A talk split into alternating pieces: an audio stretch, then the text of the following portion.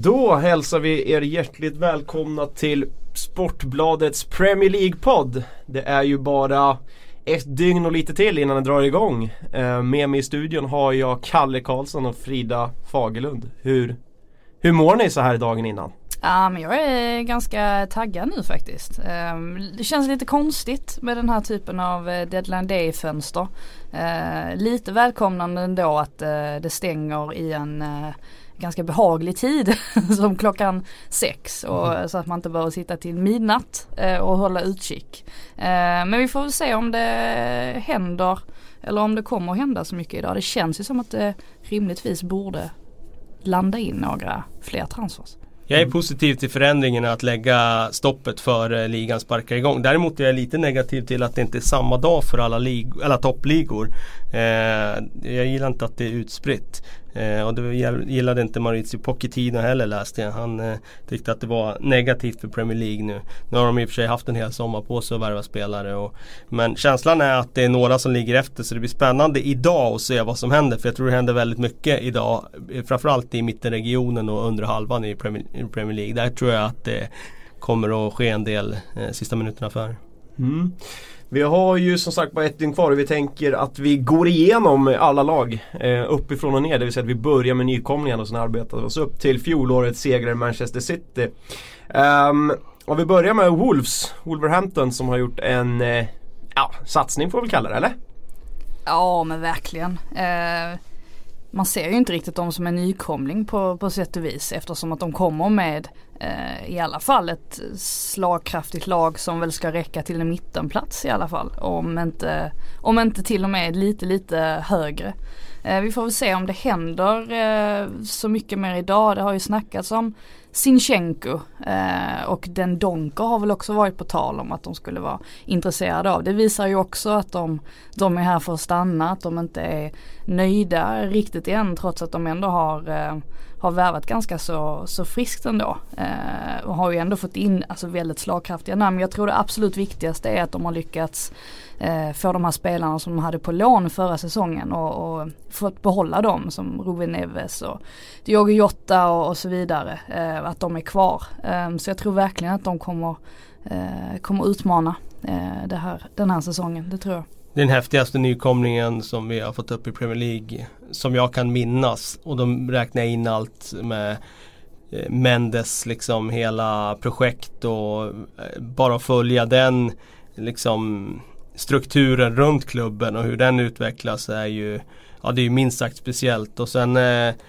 Wolverhampton nu är jag lite för ung för att komma ihåg deras storhetstid men de har ju ett följe i det här landet som är ganska stort i en viss generation som minns när de var väldigt, väldigt bra.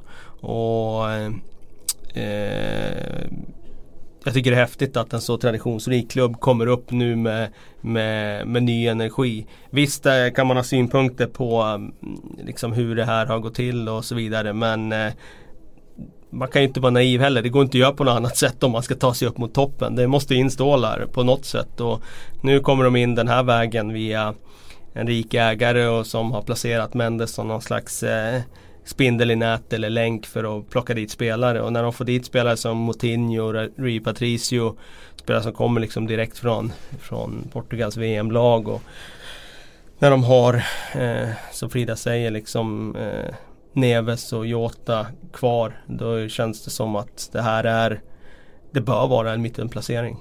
Tror ni att det finns någon risk att vi överskattar dem? Att de har, alltså de har värvat bra men att de kommer inte få ihop det på planen? Um, nej, alltså jag, jag hade nog trott det mer om det hade varit, uh, om det hade stått en ny tränare där. Men eftersom man fick behålla Espirito Santo också så, så tror jag att det finns större chans att uh, han faktiskt uh, får ihop det här. Det fanns ju frågetecken inför, Eh, alltså när Mendes klev in i Wolves också. Man tänkte att det är väl klart att det här kan gå bra men det kan ju också gå, eh, gå åt skogen. Det har vi ju sett exempel på i, i Europa tidigare, tidigare. Men just eftersom att de såg så oerhört starka ut i Championship och eh, Espirito Santo är kvar så, så tror jag faktiskt att de eh, kan greja det här. Ja, om vi jobbar oss vidare till en annan nykomling då som också har satsat får man väl säga. Fulham. Det är Seri, det är Schürrle, det är Måsson, det är Mitrovic. Det är stora summor som har spenderats också på bland annat Måsson och Mitrovic. Vad har vi för tankar om Fulham inför säsongen? Ah, jag måste ju erkänna att jag var inte helt eh, Hade inte helt koll i våras på att de eh, var backade av eh, så pass mycket pengar. Men den här Pakistan-amerikanen som äger dem, vad heter han? Shadidi eller vad han heter. Eh, något, något i den stilen. Eh, Shah Shahid Khan heter han. Eh, han är ju världens, läste jag nu, 150 rikaste och god för ganska många miljarder och det har ju han nu spenderat på eh, ja, spelare som Seri som var ett jättestatement. Jag trodde nog att Fulham mer skulle vara tvungna att liksom leta på andra och tredjehandsmarknaden. Men när de plockar en spelare som Jean-Michel Cherie som har varit jagad av stora klubbar så eh, det är klart att det skickar signaler. När de lägger stora pengar sen för att säkra Mitrovic som jag i och för sig inte har sett den där jättestorheten i som spelare men det är ändå ett namn som Eh, just nyss har spelat VM som det har varit mycket snack om och som de plockar från Newcastle. Det är klart att de eh, lägger ju grunden här för att, att bli kvar och sen André Schürrle på det. Det är samma sak där. Jag är inte övertygad om hans förträfflighet längre men det är ändå eh, när, när nykomlingar plockar den typen av spelare, framförallt lilla Fulham gör det. Alfie Mawson 20 miljoner pund. Eh, det är klart att det, de spänner i bågen. Mm, och så Callum Chambers också in på, på lån här i sista sista sekund eh, lite grann och det är väl klart att det också säger någonting om, om eh, Fulham som klubb. Jag vet inte vad det säger om Chambers status i Arsenal med tanke, på att han, med tanke på att han förlängde kontraktet också så det verkar ju som att Emery vill satsa på honom kanske långsiktigt men eh, ja vi får väl se hur det går för honom under säsongen. Och de verkar ju inte heller vara jätteklara Fulham. Eller det finns ju en möjlighet att de plockar in eh, John Guidettis gamla lagkamrat i Celta Vigo, Ugo Mayo verkar väl vara på, på G. Eh, kanske plocka tillbaka Matt Target eh, som eh, har varit på lån Eh, och får vi se om de kan lyckas kapa Aston Villas, eh, Joe, Aston Villas värvning av Joe Bryan också. Eh, så att det kan ju hända, hända lite grann till. jag tycker det börjar bli svårt att se någon sorts bottentabell i Premier League med tanke på att Fulham också spänner musklerna liksom Wolves. det är inte så många, så många klubbar ändå som Eh, Eh, alltså man, man, ser att det är många klubbar som kommer vara med och, eh, och slåss eh, ordentligt för att undvika att hamna där nere. När man pratar kanske mest om man pratar Fulham förutom med satsningen så är det väl Ryan Sessegnon som jag tror alla blir spända på att se. Eh, vad tror ni om honom? Vad tror ni om hans chanser att överleva i Premier League? Är det the shit? Ja det tror jag. Eh, han är fortfarande väldigt ung men är man så pass bra i Championship så, så kommer man klara Premier League också. Nu är han ju dessutom i den där åldern där det kan hända väldigt mycket på ett år och han kommer inte bli ett år sämre. Det är svårt att se. Visst det kanske blir någon slags inkörningsperiod här men eh, jag tror att hans kurva kommer peka eh, ganska brant uppför och det, framåt våren så kanske det är en, liksom en sensation i Premier League. Vi får se. Eh, det, det, Tottenham skulle inte rycka i han så hårt om han inte var eh, the real deal. Och jag tycker att eh, det var också ett statement från Fulham bara att direkt göra klart att han kommer stanna. Precis. Eh, den tredje nykomlingen har inte sprakat lika mycket om. Eh, Cardiff City. Det är Murphy, Cunningham, Smithis och Reed in. Eh, det är inte de vi har drömt om att se i Premier League. Men nu är de här i alla fall. Eh, spelarna alltså. Eh, vad, vad vet ni om det här bygget? Han är kvar, asiaten där uppe, ägaren va? Eller? Vincent Tan ja. Mm. Exakt. Och honom har vi drömt om att få tillbaka. Han har vi väntat på, det är sant. Ja, det känns väl om, om vi nu ska nämna något lag som troligtvis kommer vara där nere och slåss så känns det ju rimligtvis som att det kommer bli Cardiff. Jag är inte speciellt imponerad av eh, deras värvningar. Jag tror inte riktigt att, eh, att det räcker. Man såg på när Huddersfield kom upp som kanske inte har de musklerna heller eh, förra säsongen. Då såg de ändå till att eh, köra kvantitet före kvalitet. De plockade in massa spelare och sen så liksom testade de lite och hoppades på att eh, någonting skulle, skulle gå rätt. Eh, Cardiff har ju inte ens gjort det. Eh, de har varken kört på kvalitet eller kvantitet så att jag tror att de eh, kommer få det ganska tufft i år. Faktiskt. Josh Murphy, 23 år ytter från Norwich för 10 miljoner pund. Bobby Reed från Bristol City för 10 miljoner pund. Det är alltså deras tyngsta värvningar när de kliver in i säsongen. Jag kan inte säga något annat än att de har det sämsta laget på pappret i alla fall. Eh, Neil Warnock har ju gjort det här tidigare. Han har varit uppe i några vändor i Premier League. Så att de har ju en rutinerad tränare som förmodligen vet vad som krävs för att liksom hitta ett spel för att klara sig kvar. De är väldigt hemmastarka. Väldigt, väldigt hemmastarka. Så det kommer vara tufft att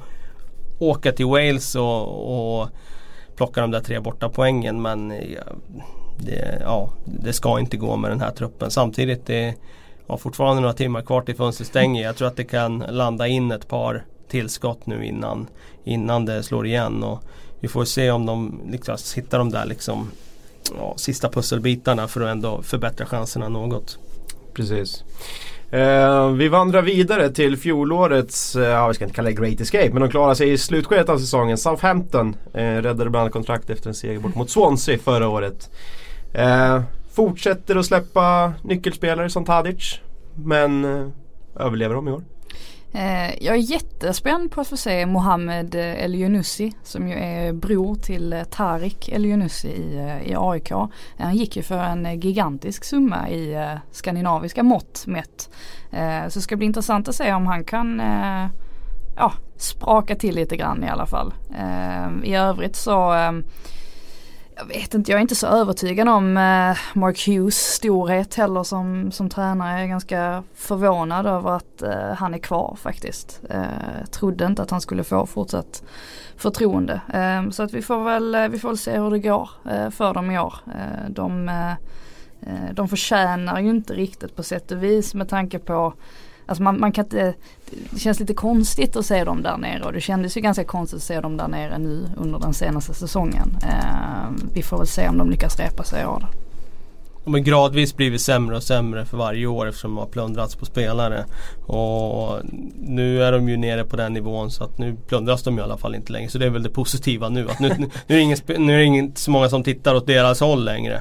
Eh, dock ska man ju veta att de tappar Tadic, de tappar Bofall och båda de tycker jag har en tillfört kreativitet där framme. Eh, men det är klart, de tappar ju dem av en anledning och det säger väl någonting om Southampton också att spelare som Jordi Klasi som skulle vara liksom en en viktig värvning för dem. Han, han vänder ut nu på lån till Feyenoord. Och eh, det är väl ett tecken på att de har tappat sin förmåga att eh, identifiera fynd på transfermarknaden. För nu är ju stommen i laget, det är ju den som som har varit där några år och som kanske inte har, ja, som har varit komplementspelare där, Ward Prowse och sådana. Och eh, det är de som ska bära dem nu och jag kan inte se att de skulle bli så mycket bättre än i fjol. Det, det är svårt att tro. Sen är det ju viktigt såklart att hålla, hålla spelare fit for fight. Charlie Austins skada i fjol var ju förödande för han var ju den enda som kunde göra mål. Och det var ju det stora problemet i fjol att man gjorde alldeles för få mål. Mm. Tror ni, känner ni att de liksom famlar efter sin identitet efter att ha haft liksom eh, Pochettino och försökt med Pellegrin och där. Nu är de nere på Mark Hughes och det känns som att det jag får i alla fall känslan att det inte finns någon tydlig riktning i SA-15. Nej precis så är det nog. Och eh, det bästa hade väl egentligen varit om Mark Hughes hade kommit in och fått göra eh, den här Great Escape och sen lämnat över till någon som hade haft eh, liksom lite mer visioner. Samtidigt så tror jag att de bara landar i att vi vill hålla oss kvar nu ett tag. De försökte ju med Pellegrino. Det var ju en liksom mer expansiv tränarrekrytering och hur gick det? Nej det gick inte så bra. Så att jag tror att de landar in nu i att okej okay, nu ska vi ha lite stabilitet. Då går vi på det här beprövade tränarnamnet. Han får ratta det här nu i år så försöker vi hålla oss kvar och så får vi bygga något på sikt sen. Men deras akademi producerar ju inte längre som de gjorde för några år sedan och det är ju också tyvärr en, en eh, grej som har påverkat SA-15s chanser. För annars kunde de alltid slösa in nya spelare som kom in och i alla fall kunde fylla ut en tröja. Om vi rullar vidare till eh, fjolårets 16 bästa lag i England, Huddersfield. Eh, mm. Så känns det som att det är fortfarande värvningar från alla möjliga världens håll. Liksom. Det är Durm, Lössel, Bakuna, Sobi, Kongolo, Heim. Mm. Ja det, det, lyckades ju upp eh, förra säsongen får man ju säga. Det, de inledde ju otroligt starkt och sen tappade de lite. Men det var väl ganska väntat att de skulle göra det. Eh, David Wagner är kvar också. Det tror jag är väldigt, väldigt viktigt för dem. Eh, verkar ju kanske som att de kommer lägga lite pengar ändå på en eh, eh ny anfallare Isak Benza eh, från Montpellier och det var väl där de hittade Steve Mounier också eh, i Montpellier. Um, så det kan ju vara att uh, ja, han följer ganska väl ut. Var, hade väl lite Han- problem med skador. Precis, han började ju säsongen. bra sen blev det Mm. skador. Ehm, så vi får väl se hur det går med, med den saken. De har ju några timmar på sig här. Ehm, I övrigt tror jag som sagt eftersom att eh, konkurrensen är snäppet hårdare i år eh, jämfört med förra säsongen så tror jag att de kommer få det tufft också. Eh, men eh, ja, vi får väl se ändå. Eh, som sagt förra säsongen blev de ju inte den slagpåsen som, som man trodde att de skulle bli ändå. David Wagner, vad säger du om honom då? Nu har vi haft ett år och verkligen han var ju verkligen uppsnackad inför förra säsongen, den nya Klopp och så vidare. Vad, vad har vi liksom för känsla av honom efter Ah, det var, för mig var det ju en besvikelse i fjol eh, och väldigt tidigt var det en besvikelse. Även om de vann de där första matcherna så hade det varit så mycket snack om Huddersfield och sättet de spelade och hit och dit. Och han var så karismatisk och så vidare. Men faktum är ju att de spelade ju aptråkigt förra året. De eh, var ju inte alls det där högintensiva laget som utan de hade gjort en annan eh, inläsning av Premier League att vi måste parkera bussen för att överleva i den här ligan. Och ja, de överlevde ju så man kan inte säga att det var fel. Men han höll ju väldigt låg profil också David Wagner under säsongen. Det var ju inte alls den där eh, Klopp-figuren eh, när väl ligan sparkade igång. Så att eh, eh jag var lite besviken på Huddersfield. Och eh, jag tyckte att efter den där starten där de tog Ja men det var väl tre serier på fyra första omgångarna eller något sånt där i den stilen. Efter det var de ju väldigt profillösa. Eh, ta bort Aaron Moy, det var ju en eh, liksom bara en samling, en grå samling. Framförallt när Monier var skadad också. Så att eh, ja, det är ju tufft nu. Andra säsongssyndromet är ju hårt. Man brukar klara första året som nykomling och sen andra året då brukar det vara lite mer eh, brutalt eh, för de som kommer upp. Så att eh, jag tror de får tufft i år. Ja, Aaron Moy, en 38-åring i en 25-årings kropp ungefär. Det är så det ser ut. Eh, den andra nykomlingen i fjol, eh, Brighton. Eh, det är en eh, stor omsättningsspelare där. Det är tror jag, 12 eller 13 nya spelare in eh, den här sommaren. Eh, ska det bli bättre eller blir det bara sämre med så många spelare in? Ja, de kanske har insett ändå att som sagt att det kommer bli tufft och att då behöver man göra någonting. Jag tycker de har, de har i alla fall varit aktiva på, på transfermarknaden och det, det kan ju rimligtvis vara en, vara en fördel eh, att man är det om man nu ska eh, lyckas klara sig kvar ännu ett eh, år. Eh, sen är ju frågan vad de här spelarna eh, vilken nivå de håller och så vidare. Det är lite svårt att avgöra kring, kring ganska många. Eh, det är ju en spelare från Erik Hamrens gamla sydafrikanska klubb, eh, Sundowns, Percy Tau. Det är, är ett lite- bra namn. Lite, lite intressant. Eh, vi får väl se hur långt, hur långt det räcker. Eh, sen har de ju inte, de har väl inte förlorat så många av sina, sina allra viktigaste spelare från förra säsongen. Så att eh, på så sätt så, så ser det ju ljust ut i alla fall. Jag tänker väl att de gör lite som Huddersfield i fjol. De tar in en massa spelare så hoppas de att någon av dem där slår. Eh, tycker väl fortfarande att eh, det är ganska profilfattigt lag. Det är en, eh, ett kollektiv som ska göra det. Och det, Chris Hewton gjorde det ju väldigt bra i fjol tycker jag som gjorde dem dels svårslagna. Sen ganska sevärda också när de var på hemmaplan tycker jag. Det var alltid ändå roliga matcher tyckte jag när de, eh, när de väl bjöd till. Eh, men de ska alltså lita på Glenn Murray längst fram i år igen. Alltså visst han är en tung centertank som är svår att hantera för, för många. För, ja verkligen. Och, så det, ja, man kan ju inte på förhand tro att det ska hålla men eh, vi får se. Det finns ju ett par plankor i ligan så att de kanske klarar det på det. Den här Alireza Jahanbak Mm. Från eh, Iran. Han är ju liksom det mest spännande tillskottet. 200 miljoner kostar han från AZ. Han gjorde en jäkla massa mål i Holland. Ja, sist Men- också tror jag. Ja men På en riktig poängspelare.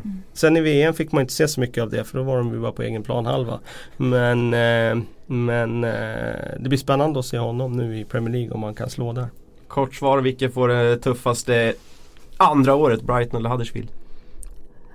Eller Newcastle men jag räknar inte riktigt in dem här. Ja det är svårt. Jag tycker det är väldigt, väldigt jämn, jämnbördigt. Det borde rimligtvis vara Huddersfield kanske ändå. Jag tror båda får tufft alltså. Mm. Ja det tror jag också. Ja. Vi jobbar oss vidare till Watford. Eh, det spretiga härliga lagbygget. Jag har börjat fått lite, jag gillar Watford. Jag, Watford. tycker det, jag tycker det är ett charmigt lag. Eh, och framförallt nu när det är två svenskar där också med Ken Sema och Pontus Dahlberg. Vad, vad tror vi om det här bygget? Javi Gracia är tränare där. Kom in under våren efter Marcus Silva där och eh, det var väl lite tufft läge att komma in i för att eh, de låg ju inte så skrynkligt till och det var fortfarande mycket kvar att spela om. Så det fanns ju en risk att de skulle liksom, påverkas negativt av tränarbytet och sen skulle de börja dala ner mot bottenträsket. Men jag tyckte han bar upp det på ett bra sätt. Och nu har man tappat sin största stjärna i Richarlison. Leeson. Eh, det rykte nu om Troy Deeney. Jag tror inte att det fotbollsmässigt är någon förlust. Men det skulle rent mentalt tycker jag vara en förlust att förlora den spelaren som varit symbol symbolspelaren för Watford under många år sedan de tog klivet upp. Jag tycker de har ändå tillräckligt bra spelarmaterial för att vara kvar i, vara kvar i, eh, i ligan. Eh, det finns en eh, kvalitet när de har plockat spelare från alla världens hörn som gör att jag kan inte se att de skulle dra sig in nedåt mot de tre sista platserna. Det, det kan jag inte göra. Mm. Eh, jag tror det är ganska många som har, eller jag får känslan av att det är ganska många som har plockat in Delufeu i sin manager 11 mm. och hoppas att han ska, ja, och hoppas att han ska slå.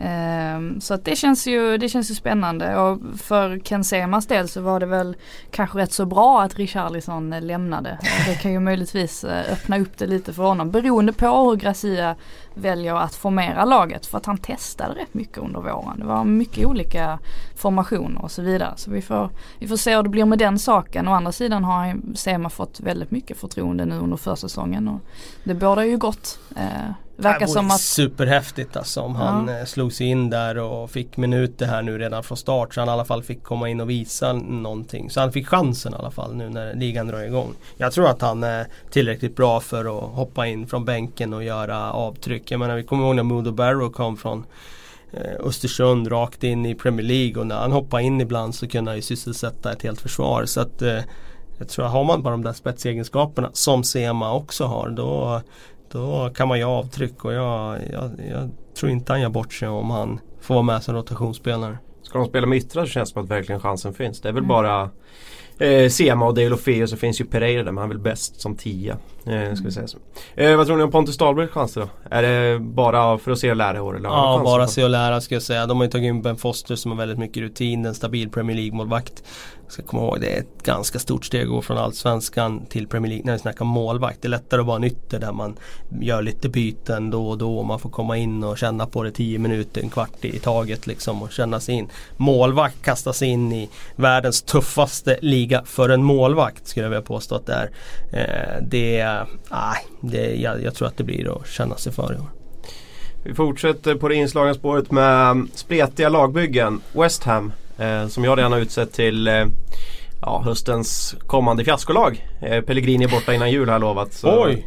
Får jag väl stå fast vid. Spännande! Det är bara för att det alltid Spännande! Ja, eh, det är Filippa Andersson, det är Jarmolenka. Jag gillar spelarna de har köpt men eh, jag tycker att det är för spretigt. Jag ser ingen tydlig och det, nej, det kommer bara falla pladask igen. Ja, okay. så ser det ut som att de eh, kanske hinner göra klart med Lucas Perez också va, från ja, Arsenal. det är klart han ska in också. Det, ja, det är, all, alla ska till, eh, till West Ham. Nej, men det, det är väl klart att man det känns som man sitter varje sommar och tycker att West Ham, oh vad, vad spännande ja. det ser ut och sen så fungerar det inte riktigt. Men å andra sidan så eh, förra året så, så hämmades de ju en del ändå i början. Man såg att alltså samma spelarmaterial höjde sig ju ändå alltså enorma snäpp efter att Mois hade kommit in får man ändå säga. Alltså en sån som Arnautovic och till och med Chicharito blommade ju ut lite under Mois. Eh, det får man ge honom. Eh, så att förhoppningsvis så får man bara en bra start så tror jag nog att det kan gå rätt hyfsat för West Ham. Det skulle ju vara om det börjar bli kaotiskt från början. Eh, då tror jag det kan bli tufft. Jag tror säkert också att allt det här runt omkring klubben som inte riktigt stämmer med styrelse och, och så vidare att det kan, säkert påverkar laget i, i viss mån också. Eh, men jag menar en sån som Filippa Andersson till exempel är ju, det ska bli hur spännande som helst att se och jag tror säkert att Jack Wilshire också kan kliva in där och, och, och bidra med, med ledarskap och, och, så vidare. Så att eh, ja, vi får se. De är väldigt beroende av att de här nya pjäserna levererar. Filippa Andersson eh, Fabianski, eh, Jack Wilshere. Men jag tänker även på en sån som Jarmolenko. Det är en sån som kan gå verkligen superbra eller superfiasko. Det har ju inte varit så himla enkelt för ukrainska och ryska spelare att lyckas i England. Jag tror det är väldigt mycket det där med att trivas vid sidan av planen som är den stora boven. Det här är ju en klassspelare men kommer han vara det i den här miljön? Det vet vi inte, det har vi ingen aning om. Men om han är det, ja men då har de ju fått in en potentiell matchvinnare. Eh, samma sak med Wilshire tiden börjar rulla på här nu. Han är 26 år. Eh, kan han överhuvudtaget få karriären tillbaka på rätt spår? Han gjorde det ju inte några större avtryck i Bournemouth. Eh, nu får han bo i London igen. Eh, ja, eh, det är samma sak där. De har ju en potentiell det är väldigt mycket oförlöst potential i alla fall. Så att, och sen Filippi Andersson som det var jättemycket rykten om för två år sedan. Men han har inte varit så bra i Lazio senaste året. Och eh, det är ju anledningen till att de stora klubbarna inte har ryckt i honom den här sommaren. Eh, jag tror att West Ham, precis som du säger, varje år så tror man att nu är det någonting. Men det som får mig ändå att tro lite grann mer på det nu det är ju att Pellegrini är ju en väldigt offensiv tränare och läktarna där har ju alltid efterfrågat, eller krävt eh, offensiv fotboll och det kommer de ju få nu. Det innebär att jag tror att den här supporterturbulensen eh, som har varit eh, mot ägarna och så den kanske lägger sig lite om de nu känner att laget ändå presterar en fotboll som de kan identifiera sig med. Och får de bara en bra start så tror jag att det kan flyga. Så starten är viktig här. Mm. Det är där jag tror det kommer falla. Att eh, Pellegrini vill spela offensivt men de har ju inte en försvarare som är mer än två plus i en eh, ligabibel. Det och Missa Diop eh, är The real Ryan Fredericks. Ja men en högerback, han är snabb som tusan men... Men, men det ska man inte understry- eller alltså underskatta tycker jag. Få in en högerback, om nu Ryan Fredericks som är plockad från Fulham. Om han nu är riktigt bra. Vilken förstärkning det är för West Ham. Högerback har ju varit en problemposition för dem i många år. Och Sabaleta var ju på sin höjd godkänd. Eh, ja, eh, liksom får du in någon som förbättrar en sån position som har varit ett problem under många år då uh, det förbättrar rätt mycket alltså. Jag vill ju tro att en sån som Winston Reed kan växla upp igen. Och ja, då finns det ju Då finns det någonting där. Ja, inte. Vi ska väl säga det också att Lanzini är väl korsbandsskadad fortfarande. Det finns väl risk att han är borta ja. väldigt lång tid den här säsongen. Och Andy Carroll är alltid ett frågetecken. Ja. Får han vara hel så har de ju alltid en, liksom, ett hot där framme. Mm. Um, vi traskar vidare uppåt mot Bournemouth. Um, det är, uh, känns lite lika inför varje år. De kommer väl hänga kvar och de kommer väl inte göra någon jätteavtryck. Det kommer vara lite upp och ner. Uh, de har däremot gjort en rekordvärvning i sommar. Jefferson Lerma från Levante. Mm. Uh, colombian va? Mittfältare. Som ska förstärka dem. tankar om Eddie House bygge? Jag var lite besviken, om vi nu pratade om att vara besviken på lag så, så var jag lite besviken på, på Bournemouth. Eh, det kändes också som att de hade lite oflyt ibland i vissa matcher när man såg dem. Att de fick inte med sig resultaten riktigt. Eh, att det kunde se ganska bra ut ändå på planen. Eh, och sådär. Ehm, jag tror de kommer få det tufft i år. De har bara gjort tre värvningar också. De har eh, tappat en massa spelare som kanske visserligen inte, eh, inte har varit speciellt eh, Inga speciella, nej precis, inga tongivande spelare men samtidigt så ja, får man inte in så mycket så, så känns det som att eh, det kommer kanske bli lite tufft ändå eh, för dem i år. Eh, men vi får se. De började ju svagt i fjol där, tog ju knappt en poäng i början och man tyckte verkligen synd där eh, om Eddie Howe när eh, Raheem Sterling avgjorde i 96 minuten där i, på Vitality Stadium där ganska tidigt på hösten där. Men där var det ju tycker jag, lite vägskäl sådär. Ska de nu dra sig in ner i, i botten och få kriga där nere eller kan de vända det här? Jag tyckte det var otroligt starkt av dem att resa sig som de gjorde. För sen var de ju faktiskt inte indragna på det sättet i, i bottenstriden sen. Och jag har väldigt stor respekt för Eddie Howe. Jag tror att han är en eh, helt otroligt bra tränare. Får vara engelsman ska jag lägga till för jag har inte sådär jättemycket till övers för brittiska tränare annars. Men alltså det är en otroligt skicklig tränare. Eh, det är bara att titta på vad han har gjort nu under flera år i det här laget med begränsade resurser. Spelar, tycker jag, bra fotboll för att vara eh, ja, i, på den platsen i hierarkin. Och kolla hur han utvecklar spelare. Louis Cook till exempel som värvades för två år sedan. Eh, ja, hade väl ingen eh, superbra eh, start så. Jo, hade väl lite frågetecken hängande över sig men i fjol kom han igång och sen var han aktuell för Englands VM-trupp. Och jag tror att han kan ta nya kliv nu. Så att, eh, jag Eh, jag tror att han är, han är en tillräckligt bra tränare för att rädda dem kvar. Hålla dem, ja, de kommer inte vara på de tre sista platserna i alla fall. De kommer fortfarande spela sevärd fotboll och de kommer utveckla spelare. Ja, uh, vi hoppar vidare till Crystal Palace. Uh, mm. Mest spänd på Max Meyer, det är jag i alla fall. Mm. Alltså, ja. ja men en, en bra värvning ändå av, av Crystal Palace. I alla fall uh, Uh, nu vet man inte riktigt ändå med Mayer. Det känns som att han har blivit väldigt, väldigt upphausad. Uh, ehm, man vet inte eh, riktigt om uh, vilken nivå han håller ändå. Är han liksom eh, är han så bra som, som hans namn har gett sken av att han är? Ehm, och han hade lite problem där i Schalke också. Det lämnade under lite kaotiska omständigheter. Det kanske också säger någonting. Vi får väl se om Roy Hodgson lyckas, lyckas tygla honom. I övrigt så är det ju definitivt, finns ingen tvekan om att det viktigaste för Palace har varit att behålla Wilfred Zaha. Och det verkar ju som att de får göra det också, vilket är oerhört starkt. De ska vara glada över att det fanns andra spelare på marknaden som var mer intressanta eh, mm. än honom. Eh, möjligt är ändå att kanske att, eh, tycker det är konstigt att Chelsea till exempel kanske inte är eh, jätteintresserade av honom. Att, de inte, att det inte kommit några sådana rykten för att det är en möjlighet som jag hade kunnat eh, se. se verkligen, ja. Ehm, I övrigt så undrar jag lite grann, det hänger också ihop med Chelsea, vad som händer med Ruben Loftus-Cheek. För att det har inte riktigt kommit eh, så mycket info om honom. Nej, jag utgår från att han blir kvar i Chelsea nu och att han får chansen att spela in sig där. Jag tror att det är en riktig Mr X för Sarri där. Men vi kommer till Chelsea sen. Ja, jag tror att han blir kvar där. Jag tror inte, ja, Crystal Palace har självklart försökt att mm. rycka där men jag tror bara Chelsea har sagt att nej men nu vill vi nu vill vi ha kvar honom här och testa ett halvår i alla fall och se om det kan slå. Eh, och jag tror det kan slå men som sagt vi kan ta det sen när vi kommer på Chelsea.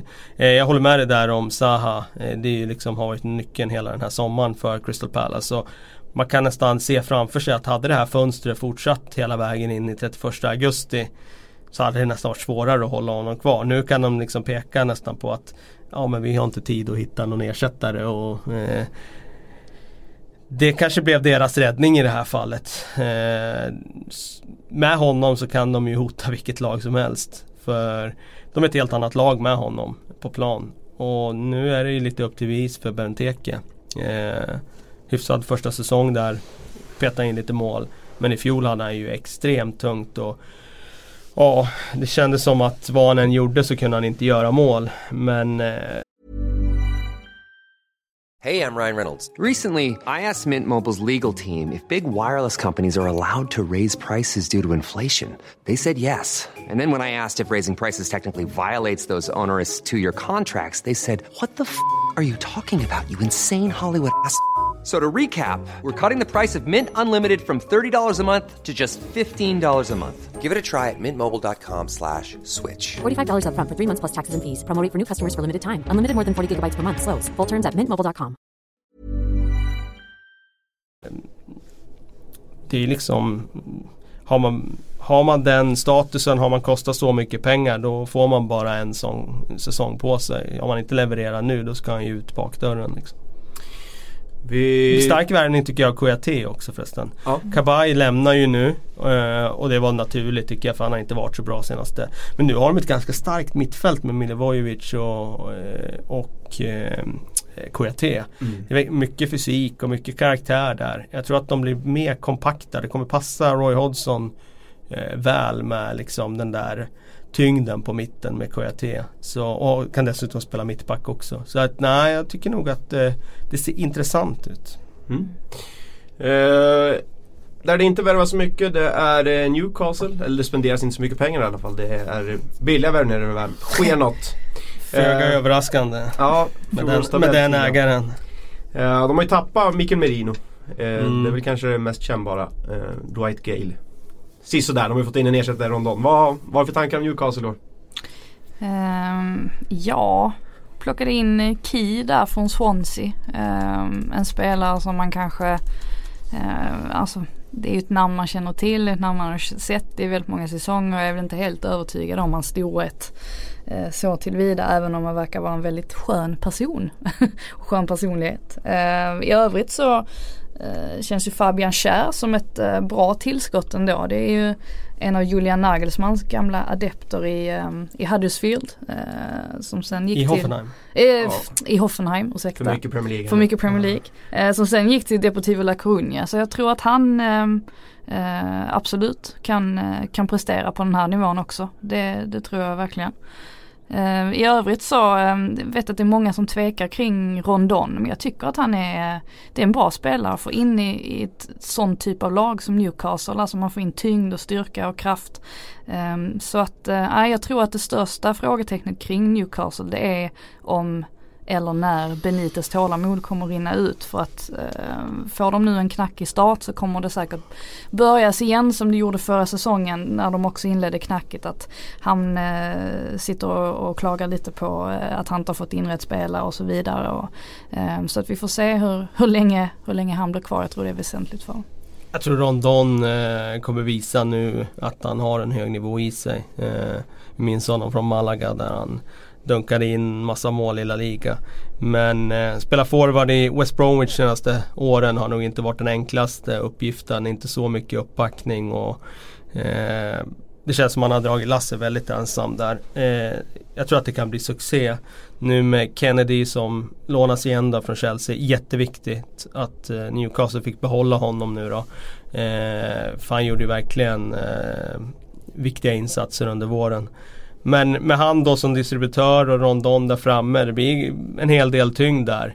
Key på mitten. Jag tror att eh, rent passningsmässigt nu med Shelby och Key så har de två riktigt bra passningsfötter där. Då behöver de bara hitta rätt balans för att de ska få göra sin grej. Eh, Kär in i mittförsvaret bredvid Lasell. Eh, det känns lovande och Dubravka då säkrad nu då eh, permanent från Sparta Prag. Han gjorde ju en bejublad debut där. Mm. och det känns som att de har eh, ja, hyfsat bredd nu på målvaktssidan också. Eh, och sen den här Moto. Eh, som eh, man vet aldrig riktigt hur de där funkar men eh, man blir ofta förvånad över att eh, de här spelarna från, från öst eh, de är rätt bra när de väl får chansen. Så att jag tycker att de har en bättre trupp nu i år än vad de hade i fjol men det stora problemet är ju Alltså Rafael Benitez och hans relation till Mike Ashley och klubben och den besvikelsen som man ändå ger uttryck för för att han inte får eh, ja, de värvningar som han vill ha och så vidare. Och det är klart att det kommer att spilla över. Så att, jag tror inte de blir indragna i bottenstriden men jag tror inte heller att de börjar dansa uppåt. Nej, jag har ju utsett eh, Key till ligans mest överskattade spelare. Jag tycker att han eh, Det är ingen slump att han har trillat ur med två raka lag. Eh, tror jag. Det kanske blir tredje gången gilt för Key. Nej, men jag, jag, kan ge dig en poäng där. Jag, jag kan hålla med om att han eh, han flög en vår där med ja, Sunderland. Han är ju en, ja men framförallt flög han väl en vår där när han gjorde massa mål i ja. Swansea där. Ja, Swansea kanske var eh, Eller om det var en höst, det minns jag inte. Men han, eh, så bra är han inte. Men eh, han eh, tycker jag på ett Newcastle centralt mittfält där så tycker jag ändå han kan tillföra en del. Vi traskar vidare, nu uppe övre halvan. Eh, Leicester City. Eh, för några år sedan vann de Premier League, det lär de inte göra i år. Eh, även om de har ett otroligt intressant nyförvärv som jag tycker. Rashid Ghezal från eh, Monaco Monaco, tidigare Lyon. Jag är otroligt svag för honom. Han har inte fått så mycket chanser i Monaco och Lyon som han förtjänade tycker jag. Men vad har ni att säga om Leicester? Nej, men jag tycker ändå att det ser, eh, trots att man har tappat Mares nu eh, efter många om och men, mm. så tycker jag ändå att det ser eh, ganska bra ut ändå. Eh, nu kommer James Madison in och ska försöka axla den rollen efter Mares. Det är väl otroligt otacksamt eh, uppdrag på, på sätt och vis. Så det kommer ju bli ett, ett annat sorts Leicester vi kommer att se. Men, eh, ja, men jag tycker en sån som Johnny Evans också, att det var just Leicester som lyckades plocka honom var ju var intressant också med tanke på att det var många klubbar som var där och ryckte och han hade ju en otroligt låg eh, utköpsklausul där på, vad var det? 3 miljoner pund. Tre miljoner pund ja. Eh, ju ingenting. Eh, så att eh, nej, eh, det är många som, som tippar faktiskt att Claude Puel kommer bli den första tränaren att ryka. Men jag är inte riktigt säker på det. Jag tror de kommer vara hyfsat stabila ändå faktiskt. Jag tror inte alls att han kommer ryka utan han gjorde ju, tycker jag, ett väldigt bra jobb i SA-15. Slutade åtta i tabellen då. Han fick gå för att de spelar för tråkig fotboll. Men den pressen finns ju inte i Leicester som har vunnit ligan med att spela liksom väldigt lågt omställningsbaserat och så vidare. Utan där vet de ju att den här fotbollen ger resultat. Så att jag tror att han får jobba med ganska bra mandat där. Eh, den stora frågan det är ju hur mycket påverkar det att tappa Riyad Mahrez som var den stora kreativa eh, eh, källan. Eh, det är klart att det kommer att vara kännbart. Eh, samtidigt så man vet inte heller de är, spelar ju mer på omställningar och det, det hotet finns ju kvar i form av Jamie Vardy. De har ett eh, starkt centralt mittfält med NDD som jag tycker är Ja, jag tycker han är mogen för en flytt till en större klubb men han är kvar än så länge. Och sen nu då Johnny Evans in i mittförsvaret där Harry Maguire väntas bli kvar. Eh, och jag menar det, det finns en stomme i det här laget som är tillräckligt bra för att kämpa om att bli sexa, sjua, eller inte sexa, förlåt, sjua, åtta. Mm. Utanför topp sex såklart. Eh, och det finns, ja, jag ser ingen anledning till att de inte skulle kunna hugga på någon av de platserna. Ja det är Mares då, att han lämnar. Ja, jag kan ju lugna Leicester-supportrar med Gesal där. Gesal. Ja, men är inte han lite Adel Tarap då? Att han är helt Nej, fantastisk han är lite men... Eh... Snabb, kvick, vänsterfotad från högerkanten. Jo, jo, men det jag menar är att han är lite Adel Tarap. Att man, eh, man har sett hans högsta nivå och man blir liksom bländad av den. Du har någon poäng där. Han har ju inte levererat en hög nivå. Han är ju ganska ojämn. Det, ja, det, det är det jag menar. Men, liksom eh, att... Det kan jag väl tänka mig att Maris också var en gång i tiden. Eh, vi rullar vidare uppåt mot ett lag som eh, bygger om mycket. Eller ja, det är mycket nytt. Det är Marco Silva tränare, det är Rickard Lison in, det är Digné. Vad händer med Baines? Everton? Um, ja, vad har du för tankar? ja, det gick ju inte riktigt som det var tänkt förra sommaren. Jag eh, stack ju till och med ut hakan och trodde att de skulle komma före Liverpool i tabellen. Jag fick inte rätt. Eh, så mycket Men man måste sticka ut hakan ibland. Ja, ibland det, är, det, är, helt rätt. Man kan inte man. bara eh, liksom Nej. simma efter. Ja det är helt sant. Men i år nu? nu. Ja, nu. Okay. Det, är nu, det, är nu, det är nu det händer. Nej men jag tycker att eh, alltså Richarlison det är ju en riktigt statement-värvning och jag vet att det har snackats mycket om att hans prissumma är hög eh, och så vidare. Men man får inte glömma bort heller att eh, han såg ju verkligen som bäst ut under just Marcus Silva och nu får han jobba med honom igen. Alltså jag tror faktiskt att det, det kommer att falla väl ut och att efter ett tag så, så kommer man ha glömt bort den där prislappen och inte tänka så mycket okay. på den eftersom att den var värd det. Eh, så ja, tror jag. Eh, jag tycker att Lukas eh, Digne är jätte, en jättebra värvning. otroligt bra. skönt för dem att ha blivit av med David Klasen som tokfloppade så extremt. jag, jag litar på Marcus Silvas ambitioner som tränare och, och, och sådär. Och jag, det kändes ju verkligen som att han ville till Everton med tanke på att han i princip offrade Watford Eh, för just Everton. Man får väl ändå se det så på något sätt med tanke på att de, det var där eh, det började, ja, det började spricka lite eh, efter att det ryktet kom. Så att nej, jag, jag tror ganska mycket på Everton. Mycket handlar ju om att få till eh, den här liksom, den här kvaliteten som fanns i truppen i fjol och som inte visar sig. Jag menar ta en sån som Michael Keane som värvades för stora pengar och inte var i närheten av den nivån han visat tidigare. Det kommer ju bli nyckeln nu för Everton att verkligen få ut den och jag tror precis som du säger att eh, det här tränarbytet kommer ge en injektion. Det kommer att vara ett bättre Everton nu.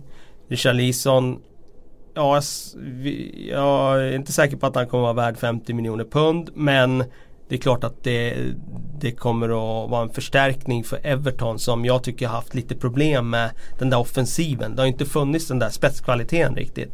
Framförallt när vad heter vår vän som värvades från Crystal Palace, yttern där, nu tappar jag namnet. Bolasi. Bolasi eh, drog sin skada eh, och inte har varit uppe i varv efter den. Han var ju den spelaren som skulle komma dit och, och bidra med det där.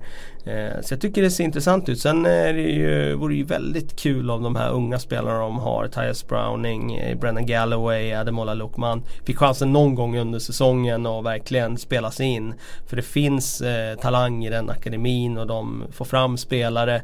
Och det vore väl superroligt om, de, jag menar, de har ändå släppt in Tom Davis som Ja. har etablerat sig. De kunde släppa fram ännu fler sådana spelare. Mason Holgate spelade mycket förra året. Precis, och de, det är som, kan de vara den klubben nu som visar att eh, det går? Och det tror jag att de kan vara. Jag menar, det är väl bättre att Edmonton identifierar sig som den klubben nu som verkligen eh, får fram ett lag med lokal prägel. De kommer ju inte åka ur ligan. Så de har ju verkligen råd att göra det. Och de kommer förmodligen inte sluta högre än sjua. För eh, det avståndet känns för stort. Mm. Eh, till ett lag där det inte har hänt så mycket. Eller det har faktiskt hänt lite nu på slutet. Men Burnley. Eh, Det känns som att det är samma gamla Burnley. Eh, Sean Dyche tränare. Det har blivit ett, tre, fyra nyförvärv i slutet. Bland annat Joe Hart. Eh, är ni spända på Burnley? Spända på Joe Hart som ju troligtvis kommer få stå här inledningsvis med tanke på att Heaton verkar fortfarande vara skadad och så har ju Nick Pope stackaren dragit på sig en skada också. Eh, jag kan inte se någon annan anledning till det köpet eh, annars faktiskt. Nej, det är ju en släcka bränder värvning. Ehm, I övrigt så verkar inte Sean Dyche riktigt eh, nöjd ändå med storleken på truppen. Han tycker att de har lite för få spelare.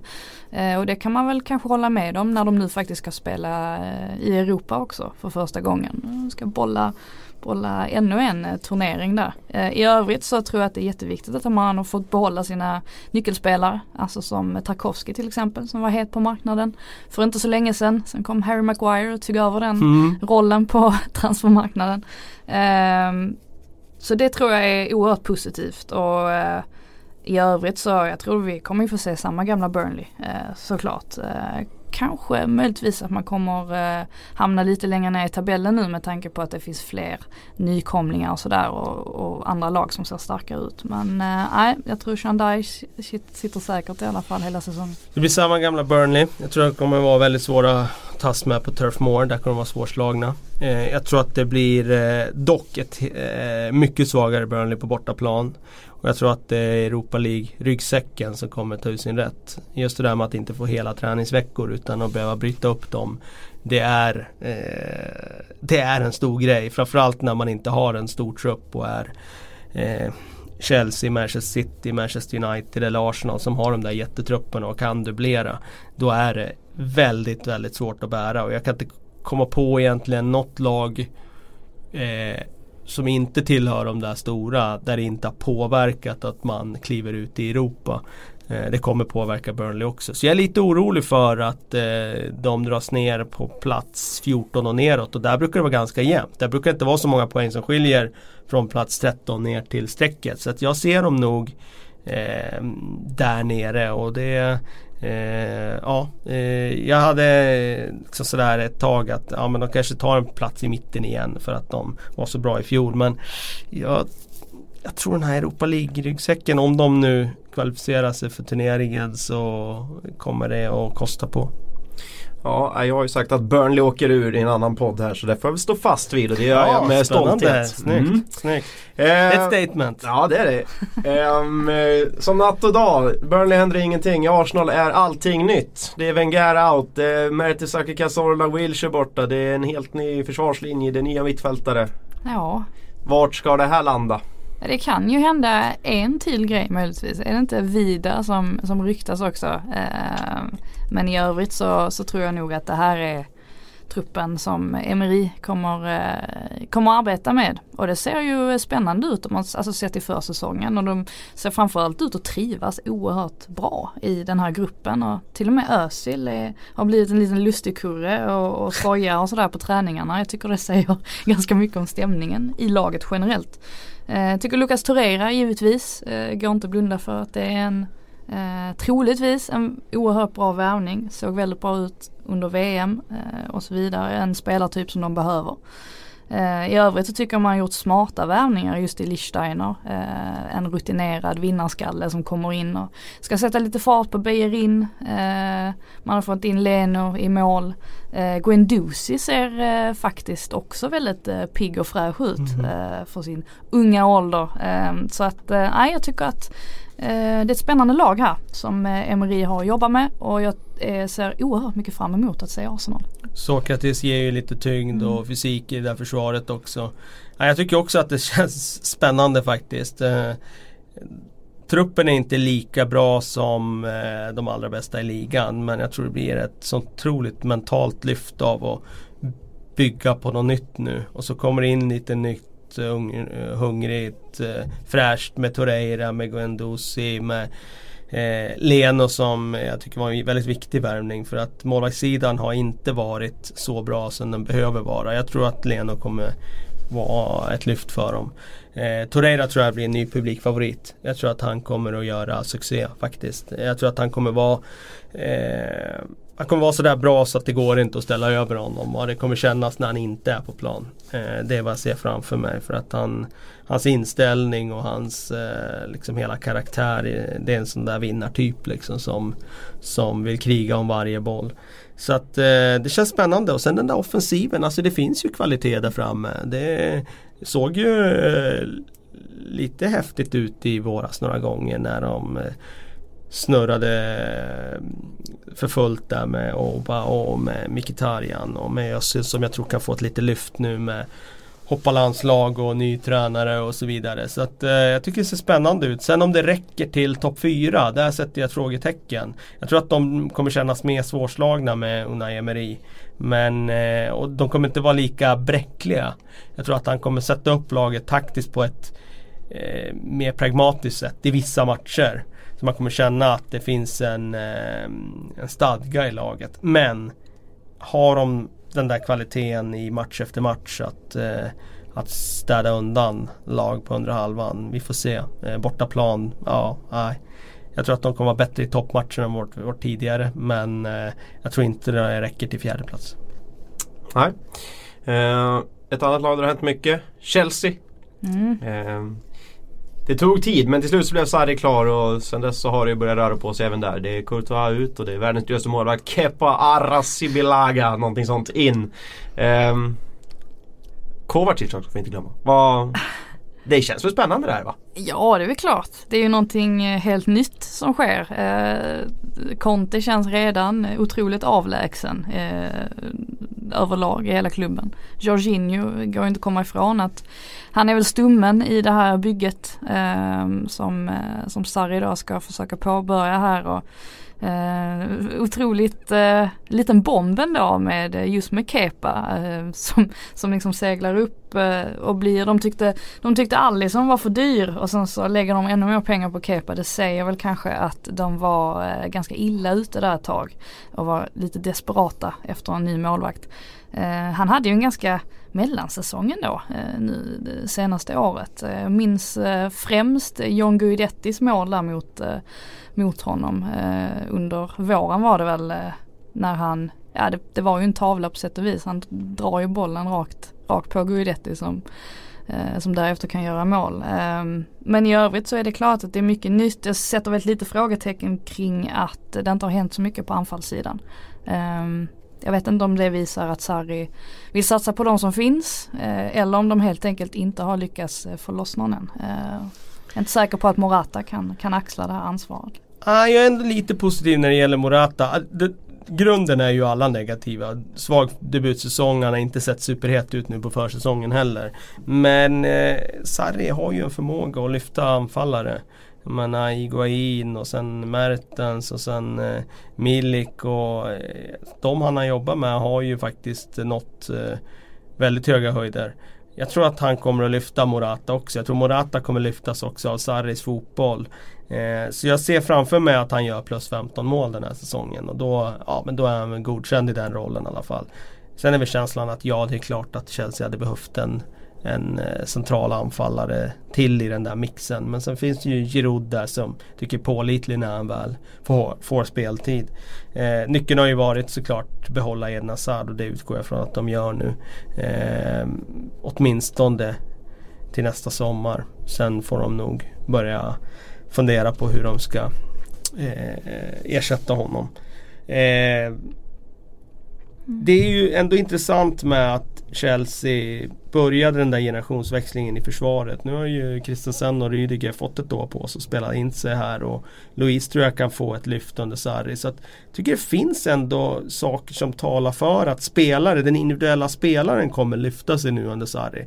Men det kommer vara en helt annan fotboll och jag tror att det risktagandet de kommer använda i spelet det kommer kosta en hel del i början innan det sätter sig och då tror jag att de är lite för långt efter redan i början för att liksom hota upp allra längst upp i tabellen.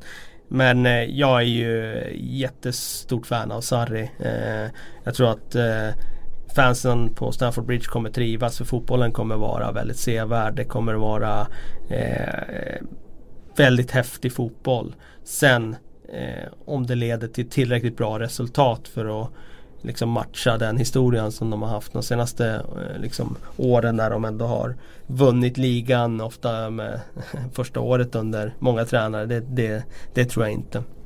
Nej.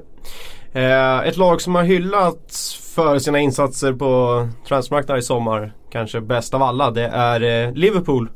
Fjolårets tabell 4. Eh, nästan alla har dem högre upp än så i år. Även ni. Mm, jag har ju till och med jag har ju till och med stuckit ut hakan igen och satt dem som etta. Det, mina tips slår ju sällan igenom uppenbarligen så att eh, vi får väl se hur det blir med den saken. Men jag tror definitivt de kommer vara med där och hota City.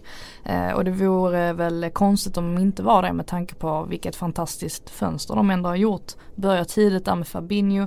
Eh, när folk liksom knappt har hunnit avsluta säsongen så Keita så, redan sommaren precis, innan. Precis, alltså det är oerhört smarta värvningar. Det visar också att det har funnits en tanke eh, bakom hela tiden. Eh, vilket känns positivt. Man får loss Allison. Visst en hög summa men å andra sidan så får du en världsmålvakt. Du, eh, du får den du vill ha också. Eh, nummer ett först och främst. Eh, tycker även att Shakiri kommer säkert vara en, en oerhört bra värvning med tanke på summan han kostade och eh, vad han kan bidra med så länge han är på gott humör. Eh, så att jag tycker mycket talar för att eh, Liverpool eh, verkligen, verkligen har bättre chans än på många år att äntligen knipa den där titeln.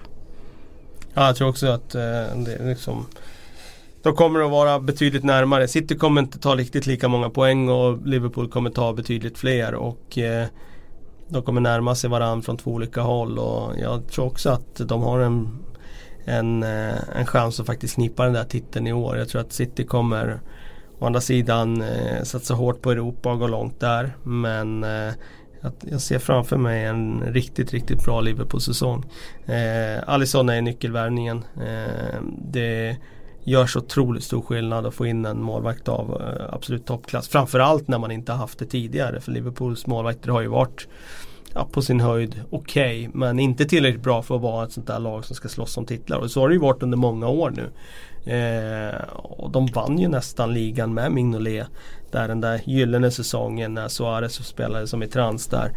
Under Brendan Rodgers. Mm. Men jag tror att man behöver den där matchvinnarmålvakten. Som gör de där extra poängräddande aktionerna och det tror jag att Alisson kommer göra. Sen blir det en jättetrygghet också att ha en målvakt med de fötterna som han har.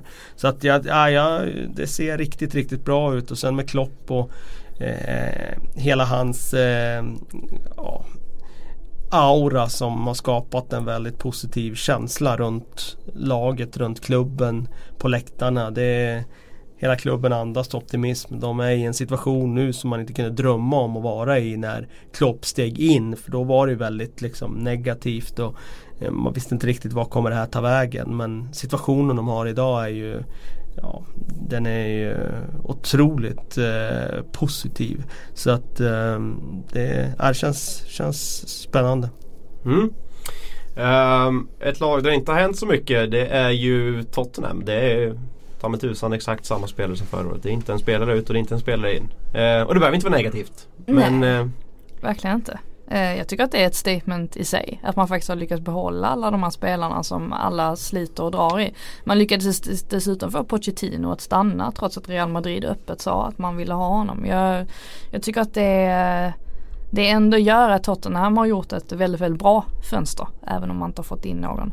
Eh, det skulle väl vara om man råkar ut för någon någon skada eller sådär eh, under säsongen. Eh, eh eller om det kanske till och med blir så att man tappar någon spelare i januari. Då kanske man kommer att sitta och fundera över att eh, det kanske inte var så bra att man låg så lågt på eh, under sommarfönstret. Men i övrigt så eh, tycker jag inte att de egentligen behöver uppgradera på, på någon position. De har verkligen ett lag som, som eh, troligtvis kommer vara med där uppe även i år. Det är ju lite lurigt för sådär lag som Tottenham för de har ju skaffat sig en så bra startelva. Så att de har ju svårt att egentligen hitta en spelare som är given i startelvan. Eh, och ska man då köpa en spelare som är riktigt bra som ska acceptera en bänkplats då brukar man få lägga rätt mycket i lön i kuvertet för att den spelaren ska sitta där och vara nöjd. Men det kan ju inte Tottenham göra för de har inte det löneutrymmet. Det är en annan sak att vara bänknötare i Manchester United eller Chelsea där man tjänar eh, x antal miljoner i veckan jämfört med vad de var i Tottenham. Så de hamnar i ett litet läge där de de värvningar de måste göra det är ju sådana här som går lite under radarn och fortfarande sådana här spelare med lite oförlöst kvalitet. Eh, men jag ser inte heller det som någon katastrof. De får bygga vidare med den där truppen som de har byggt på nu i, i ett par, års, par tre års tid. Och, eh, det är ju få förunnat att få göra det. Eh, oftast brukar ju sådana lag köpa sönder. Först går det en och så nästa sommar går nästa och då blir det liksom en ond cirkel.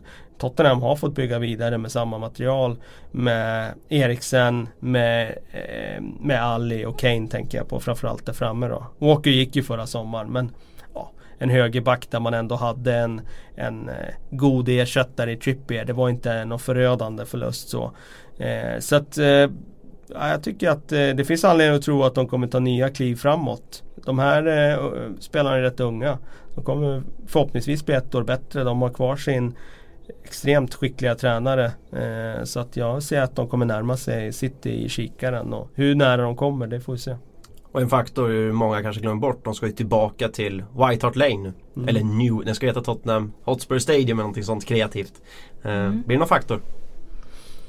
Ja, nu tycker jag väl i och för sig att de var, de skrämde ju bort det där Wembley-spöket. De var ju eh, helt okej okay där ändå. Eh, men det är klart att komma tillbaka till sin, eh, till sin hemvist och till det som förhoppningsvis blir Nyborg där. Det, det är klart att det kommer ge en extra fördel. Ja. Två lag kvar, Manchesterlagen. Uh, vi börjar i de röda, United. Uh, det känns som att det ligger något lite negativt i luften, eller?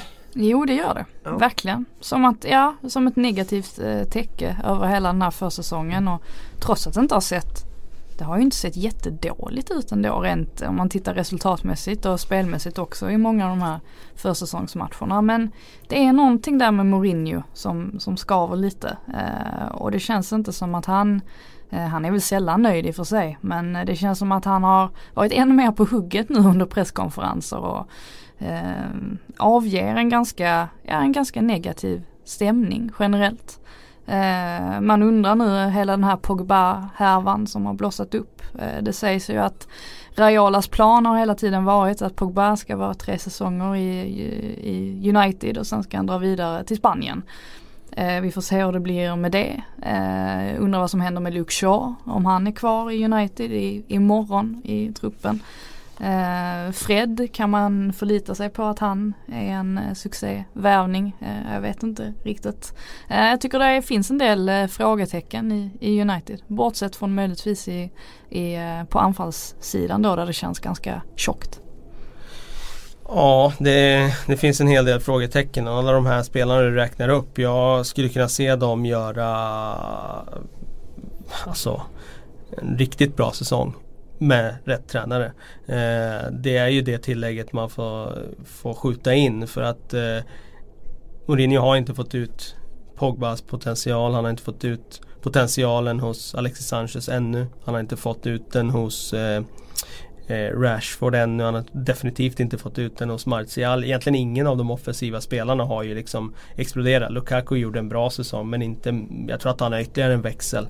Eh, så att det, känslan är att det är inte så mycket truppmässigt som behöver göras egentligen. Det snackas ju varje dag om nya värvningar hit och dit och det är väl naturligt när det är en stor klubb och det är alltid en klubb som har köpt mycket spelare varje sommar. Men jag tycker inte det behövs så mycket eh, liksom omgörning av truppen som José Mourinho gör eh, gällande. Utan vad det handlar om är ju att hitta en tränare som får ut Eh, potentialen i, i det här laget. Och det tycker jag inte man har idag. Så jag ser framför mig att eh, den här negativa liksom auran som, ja det här täcket som, som ni pratar om som ligger över klubben. Det kommer att och, eh, ligga där under hösten. Och sen får vi se när, när eh, det brister för Mourinho eh, i relationen mellan han och klubbledning. Som det har gjort i andra klubbar tidigare.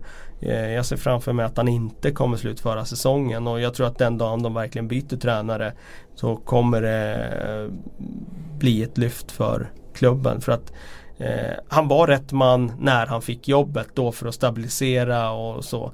Men jag tycker inte att han är rätt person att leda dem idag.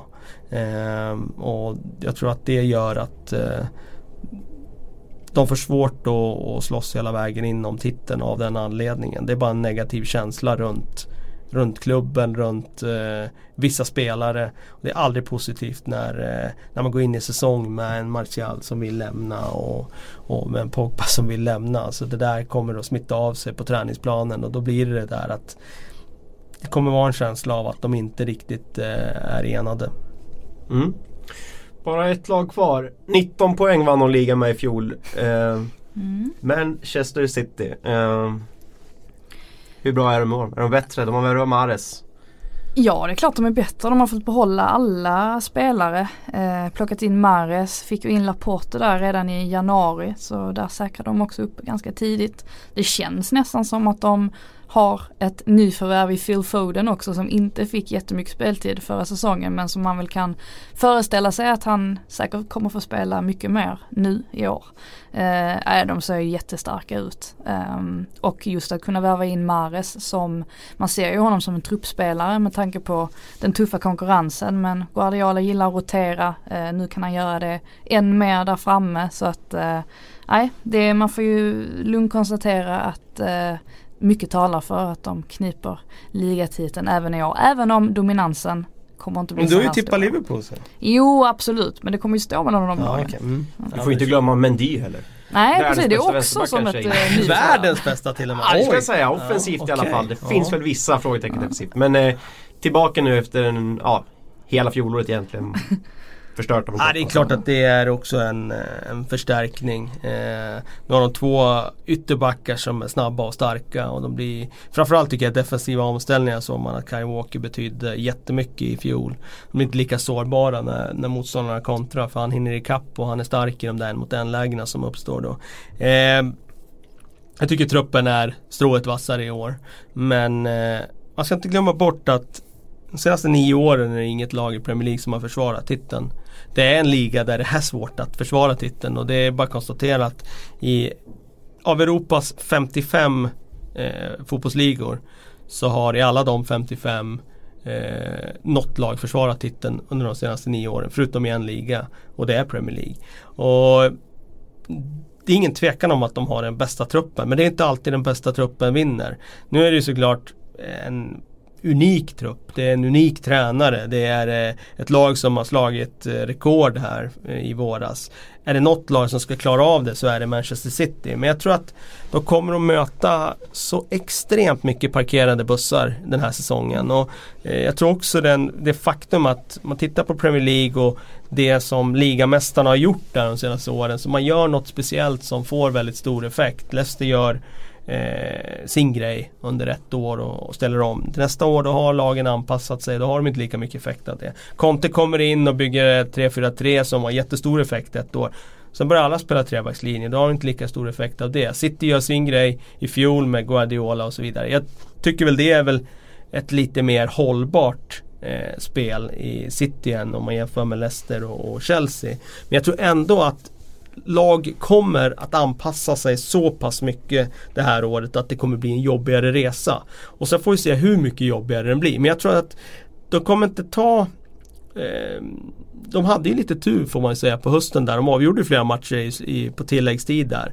Och jag tror att det är just de där poängen de inte kommer ta den här säsongen. Och om eh, Liverpool då höjer sig så mycket som jag tror att de kommer att göra eh, och blir bättre i de här på, pappret enklare matcherna och tar de där eh, tre poängarna som de behöver göra för att kriga om titeln. Då kommer de närma sig eh, varandra och då är jag inte säker på att eh, City kommer att försvara den där titeln som alla tycker är givet att de ska göra. Eh, de spelar otroligt fo- alltså otrolig fotboll. De har ett grundspel där de kan skicka in eh, liksom någon spelare från akademin som bara fogas in i det de gör och det han går in och gör jobbet. Eh, så de kommer vara väldigt bra fortfarande men jag tror framförallt att eh, jag tror att de går långt i Europa. Och det tror jag får eh, effekt på ligan. Får inte glömma bort heller att många av deras trepoängar tog de ju faktiskt på, på stopptider och sådär också. Man ska ha det lilla flytet med sig som det det. ändå är. Det kanske de inte har i, i år. Nej, min teori är ju att man har det där flytet ett år och då avgör man matcher på stopptid. Då är man inne i det där flowet. Så nästa år så man gör samma saker. Det är inte så att man gör saker så mycket sämre men då går den där bollen i stolpen och så går den eh, jäms med mållinjen och så är det en försvarare som är där och, och rensar bort den istället. Eh, och man har inte alltid det där flytet år efter år utan det är vissa år man har det och de hade flyttat för de förtjänade det förra året för de var så otroligt bra men jag tror inte det kommer vara riktigt lika bra det här året. Nej. Grymt, det var alla 20 lag. Eh, vi behöver väl avsluta med några eh, stalltips från er. Vilka vinner? Jag håller fast vid Liverpool då. Att det kommer att bli väldigt, väldigt tajt. Vilken Men- superjinx av oss nu att, att både du och jag kommer säga att Liverpool vinner Är det ligan. Ja. ja, jag tippar ju ligan här. Eh, Chefen gav ju mig det otacksamma uppdraget att tippa ligan med en månad inför, inför premiären. Det är ju inte det roligaste uppdraget kan jag säga. Men eh, jag gjorde det i alla fall och jag satte Liverpool då. Det var precis när man säkrade Alisson. Jag räknade med att det skulle dansa in någon pusselbit till. Shakiri kom dit. Eh, jag hade nog räknat in Fekir också. Eh, men jag tycker att eh, Liverpool har något riktigt spännande på gång. Då säger jag City då. Jag känner mig ganska trygg och nöjd med det. När ni Mm. försöker sticka ut hakan här. Eh, Ja. Vilka åker ut då?